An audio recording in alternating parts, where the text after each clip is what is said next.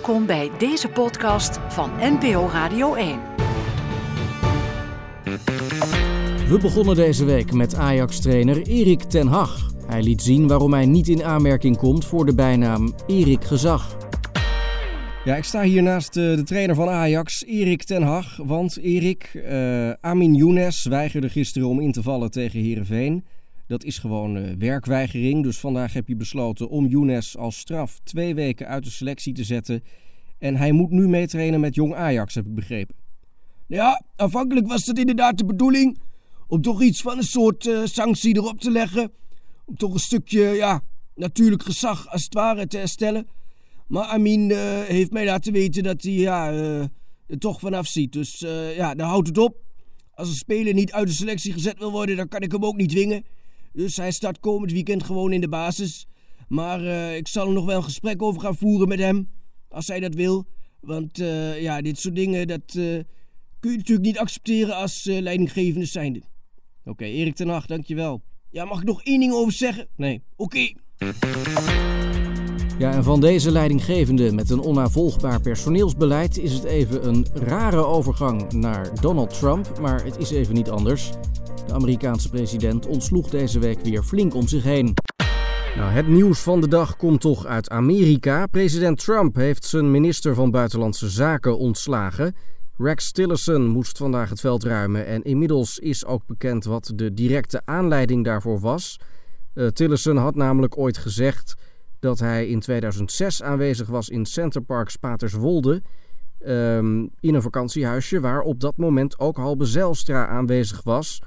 En volgens Tillerson zou Halbe Zijlstra daar geantwoord hebben op de vraag wat hij verstond onder Groot-Friesland, namelijk Friesland, West-Friesland, Flevoland, de Baltische Staten, Roemenië, de Efteling en, oh ja, Texel, dat was nice to have. Nou, uiteindelijk kwam aan het licht dat dat hele verhaal niet bleek te kloppen, omdat Halbe Zijlstra op dat moment niet in Paterswolde was maar in Rusland op de zorgboerderij van Boris Yeltsin. Kortom, het ontslag van Rex Tillerson was echt onvermijdelijk.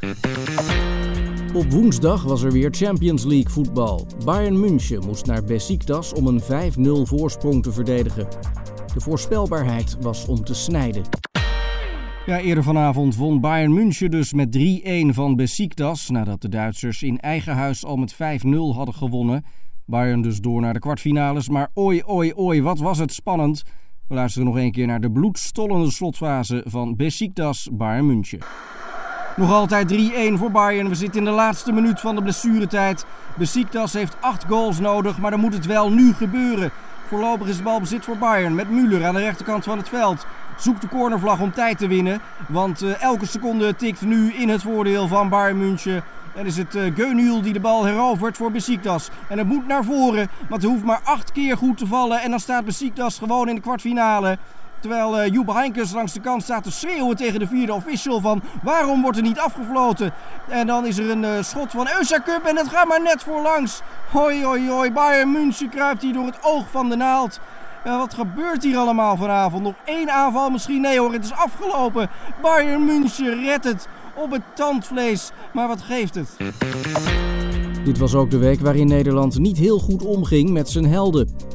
De sponsor van Irene Wust stopte met het sponsoren van Irene Wust. Er ging een streep door de salarisverhoging van ING-topman Ralf Hamers, alias de soldaat van Oranje. En record international Wesley Sneijder kreeg geen afscheidswedstrijd bij het Nederlands elftal. Ja, er was wat te doen vandaag over Wesley Sneijder, onlangs gestopt als international. Hij zei vandaag dat hij wel een afscheidswedstrijd had willen hebben. Nou, dat uh, zat er niet in, maar de KNVB is nog wel aan het nadenken over een passend afscheid voor Sneijder. Alleen willen ze niet de indruk wekken dat hij een voorkeursbehandeling krijgt.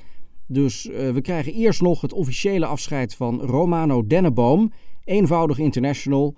Hij uh, speelde in 2004 een helft mee in de oefeninterland tegen Liechtenstein.